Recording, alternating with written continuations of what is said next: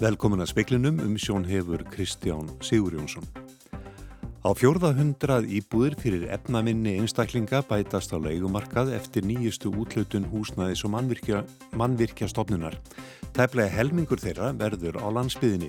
Frambóð annar þó ekki eftirspurð. Kjósa átti nýjan íslenskan dómara við Marreitndadómstól Evrópi vikunni, ekki verður að því þar sem tveir umsækjendur dróu umsókn sína tilbaka. Fulltrúar Finnlands, Svíþjór og Tyrklands hittust í dag vegna aðildar umsókn Finna og Svíja að Atlasafsbandalæinu. Nýr lög frá Alþingi eiga eftir að hjálpa þólendum ofbeldis í sambandi að komast út úr hjónambandi, segir Frankvanda stýra Kvenna Atkarsins. Þó megi velta því upp hvort ganga hefði átt lengra í lögjöfinni. Húsnæðis og mannvirkja stopnun hefur útlutað 2,6 miljardum króna í stopnframlög til uppbyggingar á leiguýbúðum á almenna leigumarkaðnum sem ætlaðar eru efnaminni einstaklingum. Meiri hluti þessara íbúa verður á höfuborgarsvæðinu eða 176 íbúðir en 152 verða utan þess til að mynda í Fjörðabigð, Akranissi, Árborg, Múlatingi og Bólungavík er þetta hæsta hlutfall landsbyggðar útlutuna til þessa. Frá því byrja var að veita stopnframlög árið 2016 hafa rúmlega 1500 íbúður verið teknar í nótkunn. 5.000 býða hins vegar eftir að komast inn í almenna íbúðakerfið og segir innviðar á þeirra vilja til þess að hækka stopnframlög en frekar. Til þess að búa til jafnvægi að þá eh, er mjög líklegt að við þurfum að bæta í stopnframlögin Eh, það hefur þó verið hinga til ákveðin vandi að þau hefur ekki gengið út sem hafa verið útlutuð vegna þess að lóðurnar hafa ekki verið byggingarhæfar og þess vegna erum við núna samhlið að taka samtal við sveitafélagin um einhvers konar rammasamning um að eh, það sé nægilegur fjöldi af íbúðum. Sagði Sigurður Ingi Jóhansson, Magnús Geir Eyjálsson rætti við hann. Nánar verður fjallaðum álið í síðar í speklinum. Hefja þarf umsóknarferli Íslands dómara við mannreitnadómstól Evrópu að nýju eftir að tveir umsækjendur dróu umsókn sína tilbaka. Íslands skipar einn á dómurum mannreitnadómstólsins og bárust þrjár umsóknur um ennbættið en umsóknarfrestur rann út í januar. Umsækjendur voru Jónas Þór Guðmundsson, hæstaréttarlögmaður, Otni Mjöll Arnardóttir, landsréttardómari og Stefán Geir Þórisson, hæstaréttarlögmaður. Velja átti nýjan íslenskan dómara við domstólunni í þessar viku en vegna þessa verður að hefja umsóknarferðliða nýju. Ekki verður hægt að skipi ennbætti fyrir enn í fyrsta lagi oktober á þessu ári. Tyrklandstjórn segir að viðræðin við finna og svíja um umsóknir þeirra um aðeldað allarsafsbandalæinu verði haldið áfram eftir daginn í dag. Þeim þurfu ekki endilega vera lokið fyrir að leðtóafund NATO í Madrid í næstu viku. Fulltrúar finna Svíja og Tyrkja hittust á fundi í Brussel í dag og vonuðust önnur aðildaríki NATO eftir góðum árangri. Íbrahim Kalin, ráðgjafi Tyrklandsforsetta, sagði eftir fundin að viðræðunum yrði áframhaldið og að leðtóa fundur næstu viku í Madrid skipti ekki máli í því samhengi.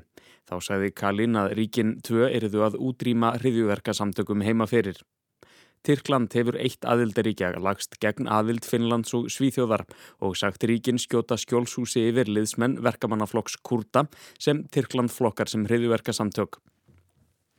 Kalín sæðist búast við að svíjar grípu tafarlust til aðgerða gegn verkamannaflokki Kurta í Svíþjóð. Við horf Tyrkja til umsóknana reyðist af því hversu fljótt væri gripið til þessara aðgerða og því hvaða árangur næðist. Jens Stoltenberg framkvæmdastjóri NATO sóti fundin sumu leiðis og sagði að áhyggjur Tyrkja ættu rétt á sér. Þá sagði hann að ekki hefði verið brugðist við þeim að fullu. Því er þið viðræðum áframhaldið en þeim leiki vonandi sem allra fyrst. Þorgnýr Einar Albersson saði frá. Það hefur verið gríðarlega íþingjandi fyrir marga þólendur ofbeldis að losna ekki úr hjónabandi við ofbeldismannin, segi Frankvanda stýra Kvenna Adkarsins. Það breytis með nýjum lögum. Alþingi samþykti í síðustu viku frumvar pönnu Katrínu Fridriksson við reysn og fleiri þingmanna um að gera þólendum ofbeldis auðveldar að fá skilnað þó svo makin sem beitir ofbeldi sé því að belandvíkur. Sigþróður Guðmundsdóttir, framkvæmdastýra samtakum hvenna aðkvarf, segir mjög ánægulegt að lögunum hafi verið breytt með þessum hætti. Eh, við höfum svo sannlega séð það í hvenna aðkvarfinu og það hefur verið gríðarlega íþingjandi fyrir konur að setja fastar í hjónabandi við óbeldismann sem hefur eða hafði margar leiðir til þess að koma í vekk fyrir það hjónabandinu ljúki. Sigþróður segir að lagabreitingin eigi eftir að hjálpa þólendum ábeldis að komast út úr hjónabandi. Þó eigi eftir að koma reynsla á hvernig lögin reynist í raunveruleikanum. Ímis lög hafa verið sett til að bæta stöðu þólenda en gengið misjaflega eftir svo sem lögum nálgunarbann. Held þetta sé gott, gott fyrsta skref. Þetta má veltaði fyrir sér sko af hverju þetta eigi bara almennt við um all þau sem vilja slíta eh, hjónabandi á einhvern hátt uh, af hverju sagt, það getur ekki verið að freka smukt ferli fyrir alla. Sigþrúðu segir að fólk sem býr við ofbeldi í nánu sambandi líti oft ekki svo á að það búið við ofbeldi. Oft er ekki skilgrinning ofbeldismannsins í hugum begja. Því geti krafan um að ofbeldi sér sannað komið í veg fyrir að lögin nýti sumum þólendum til að losnur hjónabandi. Brynjólfur Þór Guðmundsson sagði frá. Hópur starfandi kennarum alland hefur sendt áskorun til sveitarstjórnaðum að setja mentun til sjálfbærni í forgang. Hún mæti afgangi en ætti að mæti kennarana að vera kjarnin í skólastarfinu.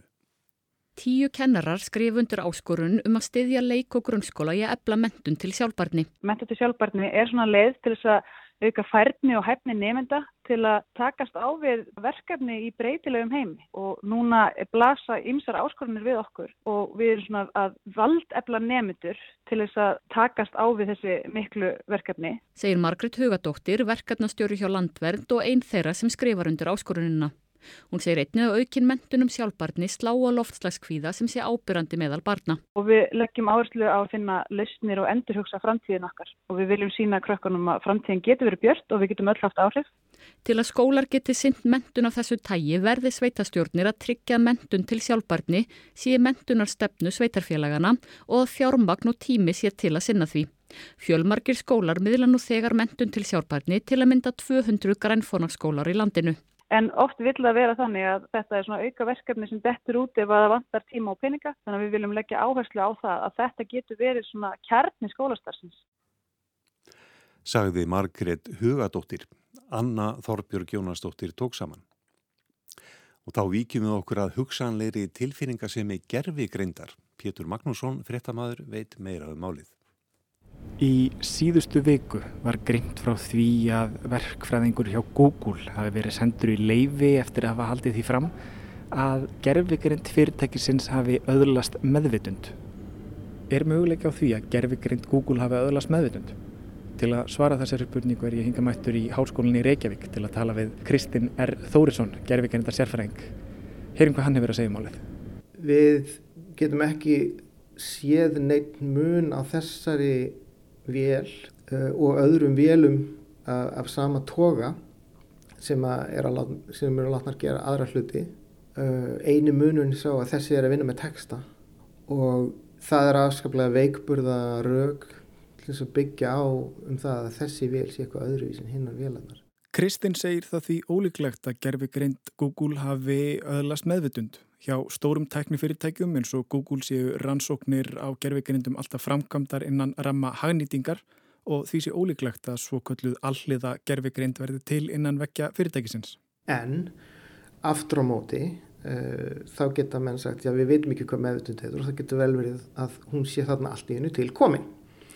Og það er í rauninni svona eina nálgunin sem ég get séð uh, það sem að, sagt, að við myndum sá sem myndi vilja haldi vonina að þetta sé nú rétt að, að þessi vél sé meðvituð og þetta sé fyrsta dæmi um meðvitaða vél í mannkjönsunni þetta er svona eina nálgun sem ég sé kannski færa í því að halda í þá von.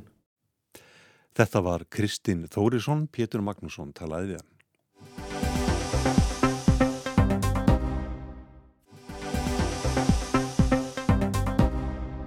Frá árinu 2016 þegar lögum almennar íbúðir tóku gildi hafa ríki og sveitarfjölug útlutað 30 miljörðum í gegnum stoppframlög til uppbyggingar á yfir 3000 leiguíbúðum viðs vegarum landið.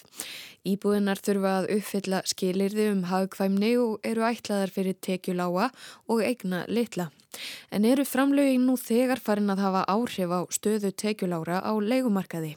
Segrún Helga Kristjánsdóttir er sérfræðingur í teimi stopn framlaga hjá húsnaðis og mannvirkjastofnun. Boltin er alveg vel farin að rulla núna. Núna eru komin 1552 íbúðir í notkunn og á þessu ári þá hafa 1300 íbúðir verið tekna notkunn á landinu öllu og af þeim eru 550 almennar íbúðir. Þannig að þetta er stór partur af bara íbúð uppbyggingu á landinu og svo sannlega farið að hafa áhrif á húsnæðisöryggi þeirra sem eru á leikumarkaði. Viðmiðið er að stopnframlag nemi 18% af stopnvirði almennra íbúða, hvað sem það er við byggingu þeirra eða kaupa á þeim. Við það bætist stopnframlag sveitarfélags þar sem almennar íbúður eru staðsettar en það nefnur 12% af stopnvirði þeirra. Stopnframlug ríkis og sveitarfélaga nema því að lámarki 30% en geta orðið talsvert hærri. Sem sagt, kröftug innspýting en útlutun er þó nokkuð ströngum skilirðum háð. Félagin þurfa að vera óhagnadrifin nema þessu sveitafélag sem séu stoppframlagshafar og leiðendurnir þurfa að vera undir tekið á eignamörkum. Þetta er svona beinta þessum neðstu tveimur tíundum, tekið tíundum. Mm -hmm. Við viljum að leiðan sé bara það lág og hún sé engungu til þess að reka íbúðunar, ekki til þess að mynda hagnað í félagunum. Mm -hmm. Og hefur það svo bein áhrif á til dæmis leikumarkaðin? Sko, það er erfitt að segja það sem að það þarf að spurja sérstaklega um þetta þegar það er verið að gera svona kannanir á leikumarkaðnum af því að það eru margir leigusalar þannig að við þurfum að spurja sérstaklega um það hvort það séu að leia hjá óhagna drifnu félagi til þess að sjá einhvern mun en við leiguverð allavega hefur ekki hækkað því takt við hækkanir á fastegnamarkaði þannig að það er mögulega þá einhverja vísbendingar fyrir því að, að þarna sé að koma inn í rauninni leigusalar sem er ekki að hækka leigu í takt við markaðin. Mm. Hefur verið eitthvað svona gaggrinni á að viðmiðin séu of ströng? Ekki of, en þau eru ströng. Þau eru ströng af ástæði. Þetta er, þetta er doldur hugssjón sem fólk þarf að hafa að það ætlar að byggja fyrir þennan hóp og þetta á ekki að vera einhver gróða maskina. Þannig að skilirinn verða að vera ströng. Þannig að ég held að það sé ekki neikvægt. Í fyrri útlutun ársins fara 2,6 miljardar króna til uppbyggingar á 328 íbúðum. Óvenjuhátt hlutfall fjármaksins eða 46% fer nú til uppbyggingar utan höfuborgarsvæðisins. Já, það er spurning hvort það sé meira á landsbyðin eða minna á höfuborgarsvæðinu. En það er allavega ekki minna verið að sækja um núna. Það sem er frábriðið er að það er verið að sækja um minna á höfuborgarsvæðinu en það er bara jákvæmt að það sé verið að byggja á landsbyðinu. Það er erfitt að fá byggingar aðila til þess að byggja og sérstaklega ef það er óhagnadrifið. Þannig að það er bara jákvæmt að þetta haldi við uppbygginguna. Það er að segja að hún sé út á landi. Mm -hmm. Og veistu eitthvað hvað veldur því að, að það er minna núna á höfuborgarsvæðinu? Það eru eflust mjög margar ástæðar fyrir því. Uh, einhverjir tala um lóðaskort, það er bara rosalega erfitt að segja og auðvitað bara COVID og, og þetta stríð og allt þetta, þetta er alls konar ástæði fyrir því að mögulega uppbygging sé hægari en við hefðum viljað, en já, við ætlum bara að bara áfram gakk. Mm -hmm. Hefur talandi um það, ráverður hefur hækkað mikið sjáuð það í til dæmis umsóknum um stoframlögu og fleira þar sé samdráttur í, í uppbyggingu vegna þess? E, já, við sjáum það aðalega í áhyggjum umsækjanda að ef þeir get ekki byrjað á verkefninu um leið og þeir fá útlutað að í rauninu umsóknin sé orðin óraunhæf þegar þeir loksast fara stað. Að því að fólk sækir um ákveð stoppvirði húsum mun kosta þetta svo ef þetta frestast um nokkru mánu þá er þetta orðið allt miklu dýrara. Og það, fólk hefur miklu áhugjur af því sem og, við sannlega deilum Þrátt fyrir það stefnir í medfjölda útlutana til íbúða á landsbygðinni. Þar kemur nú nýtt leigufélag til leiks, Brák, sem er samstarfsverkefni 31 sveitarfélags. Eitt þeirra sveitarfélaga er fjardabygð, sem hefur nú í annað sinn fengið útlutun til uppbyggingar á fimm íbúðarhúsum. Jón Björn Hákonarsson er bæjarstjóri fjardabygðar. Þetta skiptir gríðanslega máli til þess að koma þessum verkefnum á stað, koma þeim til framkvæmda því að þörfinn svo sannlega til staðar í fjárðarbeðins út um all land að koma á almenna leiguýbúða kerfi fyrir þá sem eru tekjuminni. Og nú eru eins og segir 31 sveitafélag komið inn í þetta með sínar eignir eða þá væntalega verkefni og ég held að það muni styrkja þetta kerfi svona ef við horfum til framtíðar eh, styrkja þetta kerfi svona að nýta samleðin og nýta stærðarhakamina utanum þetta en um leið að geta þá ítt undir að verkefni spretti sem víðast upp um landi sagði Jón, Björn Hákonarsson, Helga Helgadóttir talaði við hann og Sigrúnu Helgu Kristjánsdóttir.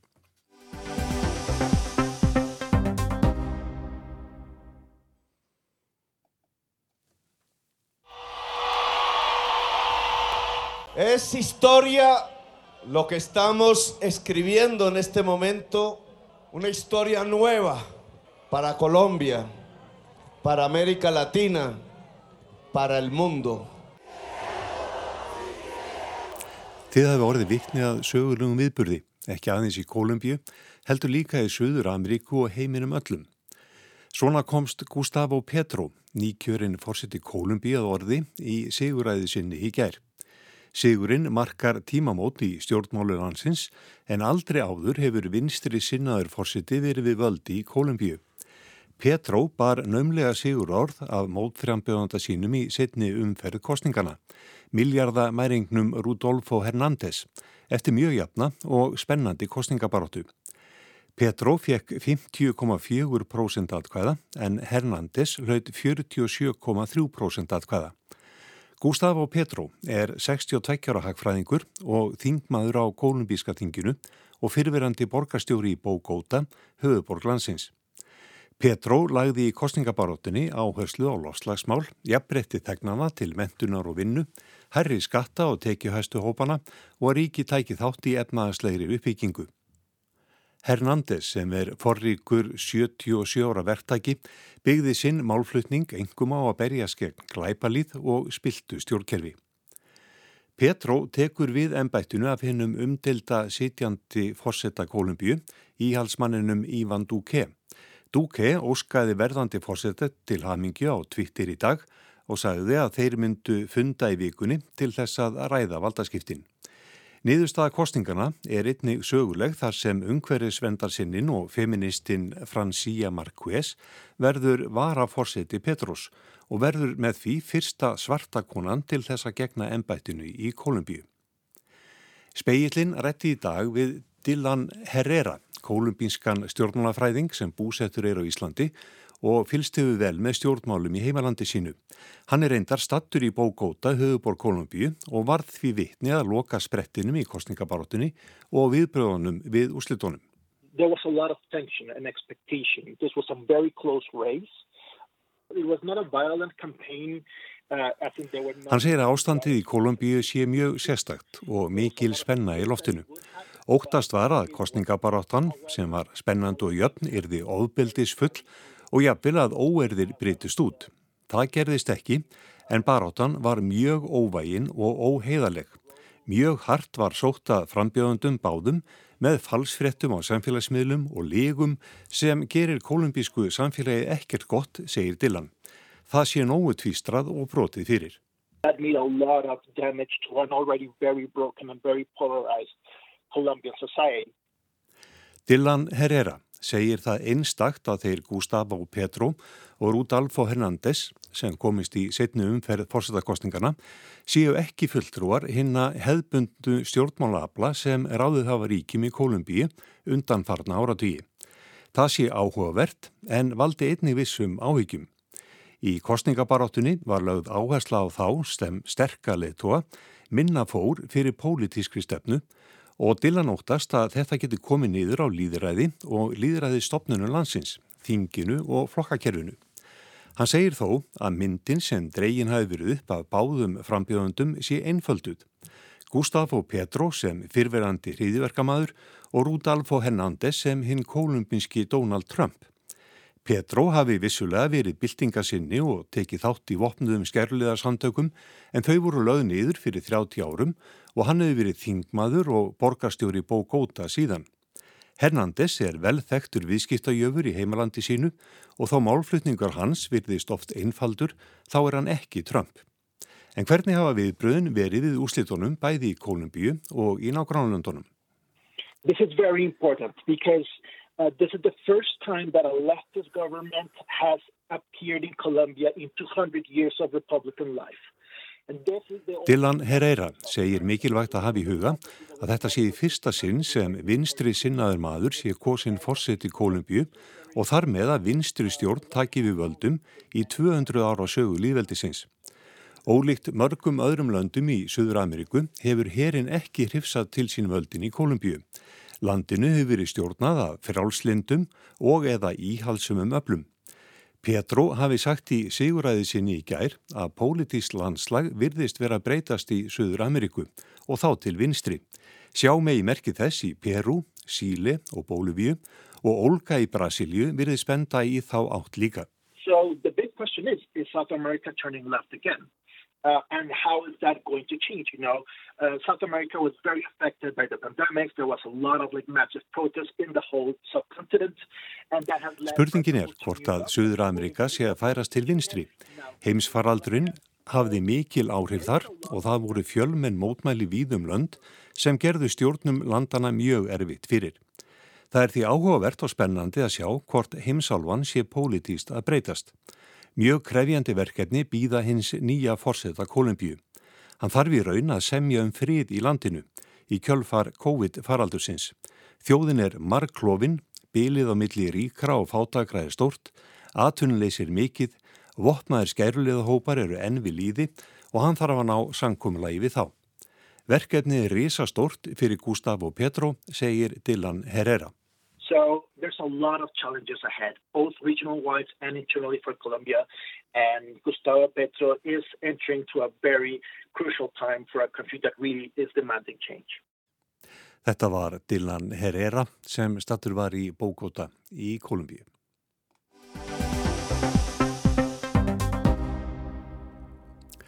Liv við Alzheimer er nú á fyrsta stígi livjaprófana hjá dönsku livjafyrirtæki.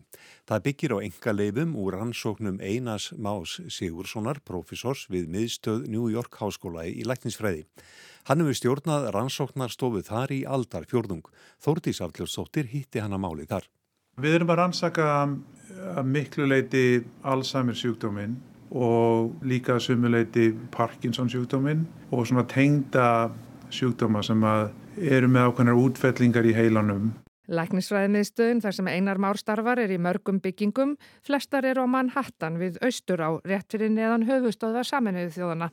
Miðstöðun heitir Langone Health og er í öðru sæti yfir bestu lækninga og lífísinda háskóla í bandaríkjunum, samkvæmt lista fyrirtækisins US News and World Report. Rannsóknastofa Einars Más er í nýri margra hæða byggingu sem helgu er taugavísindum. Hann og um tíun manna starfslið hans rannsakar einhver fyrstu skrefin á nokkuð langri leið að endamarkmiðinu sem eru ný lif. Engin lækning er til við heila hrautnuna sjúkdómum eins og Alzheimer. 55 miljónir eru með slíka sjúkdóma samkant alþjóða heilbriðustofnunni og bandarísku Alzheimer samtökin tæli að 1,5 miljón hafi látist í heiminum úr heila hrautnuna sjúkdómi árið 2019. Útfellingarnar sem einar már nefndi áðan eru tvö prótein sem tengjast Alzheimer sjúkdómnum, amyloid prótein og táprótein og svo alfa-sínuklein, próteinið sem myndar útfellingar hjá Parkinson sjúklingum. Við fókusurum mikið á, erum mikið að skoða þetta í, músum sem eru þá með þessi mannagen í sér, því að mís fá ekki þessa sjúkdóma en þá eru þau með þessi mannagen sem eru þá stundum með, stökkbreytingar í þeim sem að tengjast þá svona ákveðnum tegundum að þessu sjúkdómu og svo viljum við líka náttúrulega reyna að finna út úr því hvernig getum við hægt á þessum skemmtum. Og þá erum við að þróa ímis mótefni. Við byrjum til dæmis að búa til mótefni í músum þá og erum þá að skoða hvernig þessi mótefni virka í músum. Sumt að þessu hefur leitt til klíniska rannsóknar, það er leifjafyrirtæki sem að fekk enga leifi á sumum af engaleifunum sem við erum með og nýttu þau til þess að þróa mótefni sem er núna í klínisku rannsóknum á fyrsta stígi. Þeir eru búin að vera á fyrsta stígi núna í allavega tvö ár held ég. Það COVID sett eitthvað stryk í reikningin þannig að það hæðist aðeins á því en þeir eru búin að vera að skoða í tvö ár og það er á fyrsta stígi og það líkur sennilega ekki held ég fyrir henni loka ársins. Klíniska rannsóknin í Danmörku gæti tekið í allt um tíu ár. Hundrað manns taka þátt í þessu fyrsta stígi livjaprófana, í þessu tilfelli mótefnaprófana og gangi það vel taka nokkur hundur manns þátt í á öðru stígi og svo mörg þúsund manns á þriðja og síðasta stígi rannsóknarinnar. Og þriðja stígi er einu verið það sem þú ert að skoða það hvort að þú getur dreigið úr þessum hérna, minnisklöfum eða hægt á þeim. Það er mjög ólíklegt að þú getur hérna, snúið ykkur við þar en aðalmálið er að reyna að hæja á þessu þannig að einhver getur kannski lifa með sjúkdóminn í kannski 20 ár í staðin fyrir 5-10 ár. Þá getur þú verið kannski heima hjá þeir í staðin fyrir að enda á hérna, hjúkurnaheimili. Þú sér hægt á eða jafnveg stöðva þróunna? Ég er mjög ólíklegt að sé að stöðva þróunna. Byrjum á því að reyna að hæja á þessu. Já. Því það hefur ekkit virkað hinga til þannig að það er best að vera svona ekki vonast eftir of miklu. Það hefur ekkert hægt á þessu hinga til og það er, þar vil til byrja. Þessi klíniska rannsókn í Danmörku er aðeins byggð á hlut af því sem gert hefur verið á rannsóknastofu eina smás. Mart fleira er í gangi, meðal annars er nú verið að rannsaka mótefni úr lamadýrum. Hluti af þeirra mótefnum eru minni, má ég alveg segja, bara þessum að setja þetta fram á einfaldan haf. Minni og, og geta verið einn tíundi hluti af vennlu mótefni, þannig að þau fara betur inn í heilan og þau geta farið þá sennilega betur inn í frumur, þar sem að mest af tá prótefninu er, það sem er, er að fellur aðalega út inn, inn í taugafrumum. Og þú þarf eiginlega helst að nálgast að það er það sem að mestu skemmtinnar eru. Og það getur það sem komið kannski eitthvað betur inn í frumum, það komast betur inn í heila. Og getur það líka bindst við viðtaka sem að starri mótefni ná ekki að bindast við, þannig að það hafa svona eiginleika sem að getur kannski nýst betur til þess að auka hreinsun á þessum útfellingum. Þessi litlu mótefni úr lamadýronum voru sett í flugur og þær getur svo búið til lítil mótefni. Svo getur við látið þær flugur, eignast flugur með flugur sem eru með táútfellingar og þá endur það með flugur sem eru bæði með táútfellingar og geta líka búið til þessi mótefni. Þá getur við skoða til þess að skamum tíma, tekur kannski tvo mánuði að finna út úr því er kannski möguleiki að þessi mótefni getur virkað sem kallast gene therapy sem er þá sem sagt að þá myndur þau að spröyta fólk með ákveðin svona vírus sem að geti þá annarkort búið til þessi mótefni í livrinni eða farið jafnvel inn í heilan og búið þau til akkurat það sem þau þurft að virka. En svona genalækningum á ennsku gene therapy fylgir ákveðin hætta þó svo að veiran fari ekki inn í genin sjálf, segir hann. Því að að sömuleiti gæti slíkt verið óafturkræft. Þróunin er hins vegar hröð í genalækningum. Þannig að þetta er svona framtíðin, kannski get ég trú að á endanum þá myndi kannski ekki þurfa að taka þetta mótefni í æð eða vera þá með sagt, bólöfni að þá getur og veru kannski fengi bara spröytu með víru sem að myndi þá bara búa til lífið í þeir þegar þú þyrtir á því að halda en þá er það náttúrulega óafturkræft þannig að þú ert ekki að fara þá leið akkurat núna. Rannsóknarstofa Einars er að nýju tíundu hlutum fjármögnuð með styrkjum frá bandarísku helsustofninni og hann hefur ekki áhuga á að tellja hvað hann er með mörg engaleifi. Lækningamiðstóð York Háskóla sér um það. Þú ert í raun og veru að reyna að vinna að því að þróa ný lifið allavega hjálpa til við lifja þróun til þess að vinna buga á þessum sjúkdómum. Það er svona raun og veru langtíma markmið og til þess að geta gert það þá þartu að fá áhuga frá lifjafyrirtækjum til þess að taka þátt í þeim kostnaði. En þess að það er ekki kostnaði sem að vennilegt lab getur séðum og til þess að þau séu tilbúin í það þá þarf að vera enga lifi á því sem þú ert að vinna við. Þannig að lifjafyrirtækjum sjá þessir hagi því að kosta það er ansvarnir þetta að finna lifið Alzheimer, það eru margir að reyna að koma að einhverju líka eins og þið eru að gera. Í raun og veru er þetta, má vel að segja, stórt samfunnuverkefni þannig að maður er raun og veru að reyna að byrta ákveðna nýðustöður og svo aðri sem geta tekið það til greina varðan þess að þeir eru að vinnað og, og við gerum það sama. Þannig að þetta er raun og veru stórt samstarfsverkefni margra rannsónastofna ekki bara í bandaríkjunum heldur út um allan heim. Það er bara skilir náttúrulega að reyna að byrta þá já, bæði þína niðurstöður og skrifa greina það sem ert að koma framfari kannski þínum hugmyndum og svolítið það sem fólk getur það kannski tekið upp eitthvað af því. Þetta var Einar Már Sigursson, profesor í New York og það var Þórtís Arljóðsdóttir sem að talaði við hann. Það var helst í speklinum í kvöld að á fjórða hundrað íbúður fyrir efnaminni einstaklinga bætast á leikumarkað eftir nýjustu útlutun húsnæðis og mannvirkjastofnunar. Tæplega helmingur þeirra verður utan höfuborgarsvæðisins. Kjósa átti nýjan íslenskan dómara við mannirtendadómstól Evrópu í vikunni, ekki verður að því þar sem tveir umsækjandur drógu umsók sína tilbaka. Fulltrúa Finnlands, Svíþjóður og Tyrklands hittust í dag vegna aðeldar umsókt Finna og Svíja að Allarsás bandalæinu. Fleiri er ekki í speiklinum í kvöld, tæknimaður í útsendingu var Markus Hjaltarsson. Verið sæl.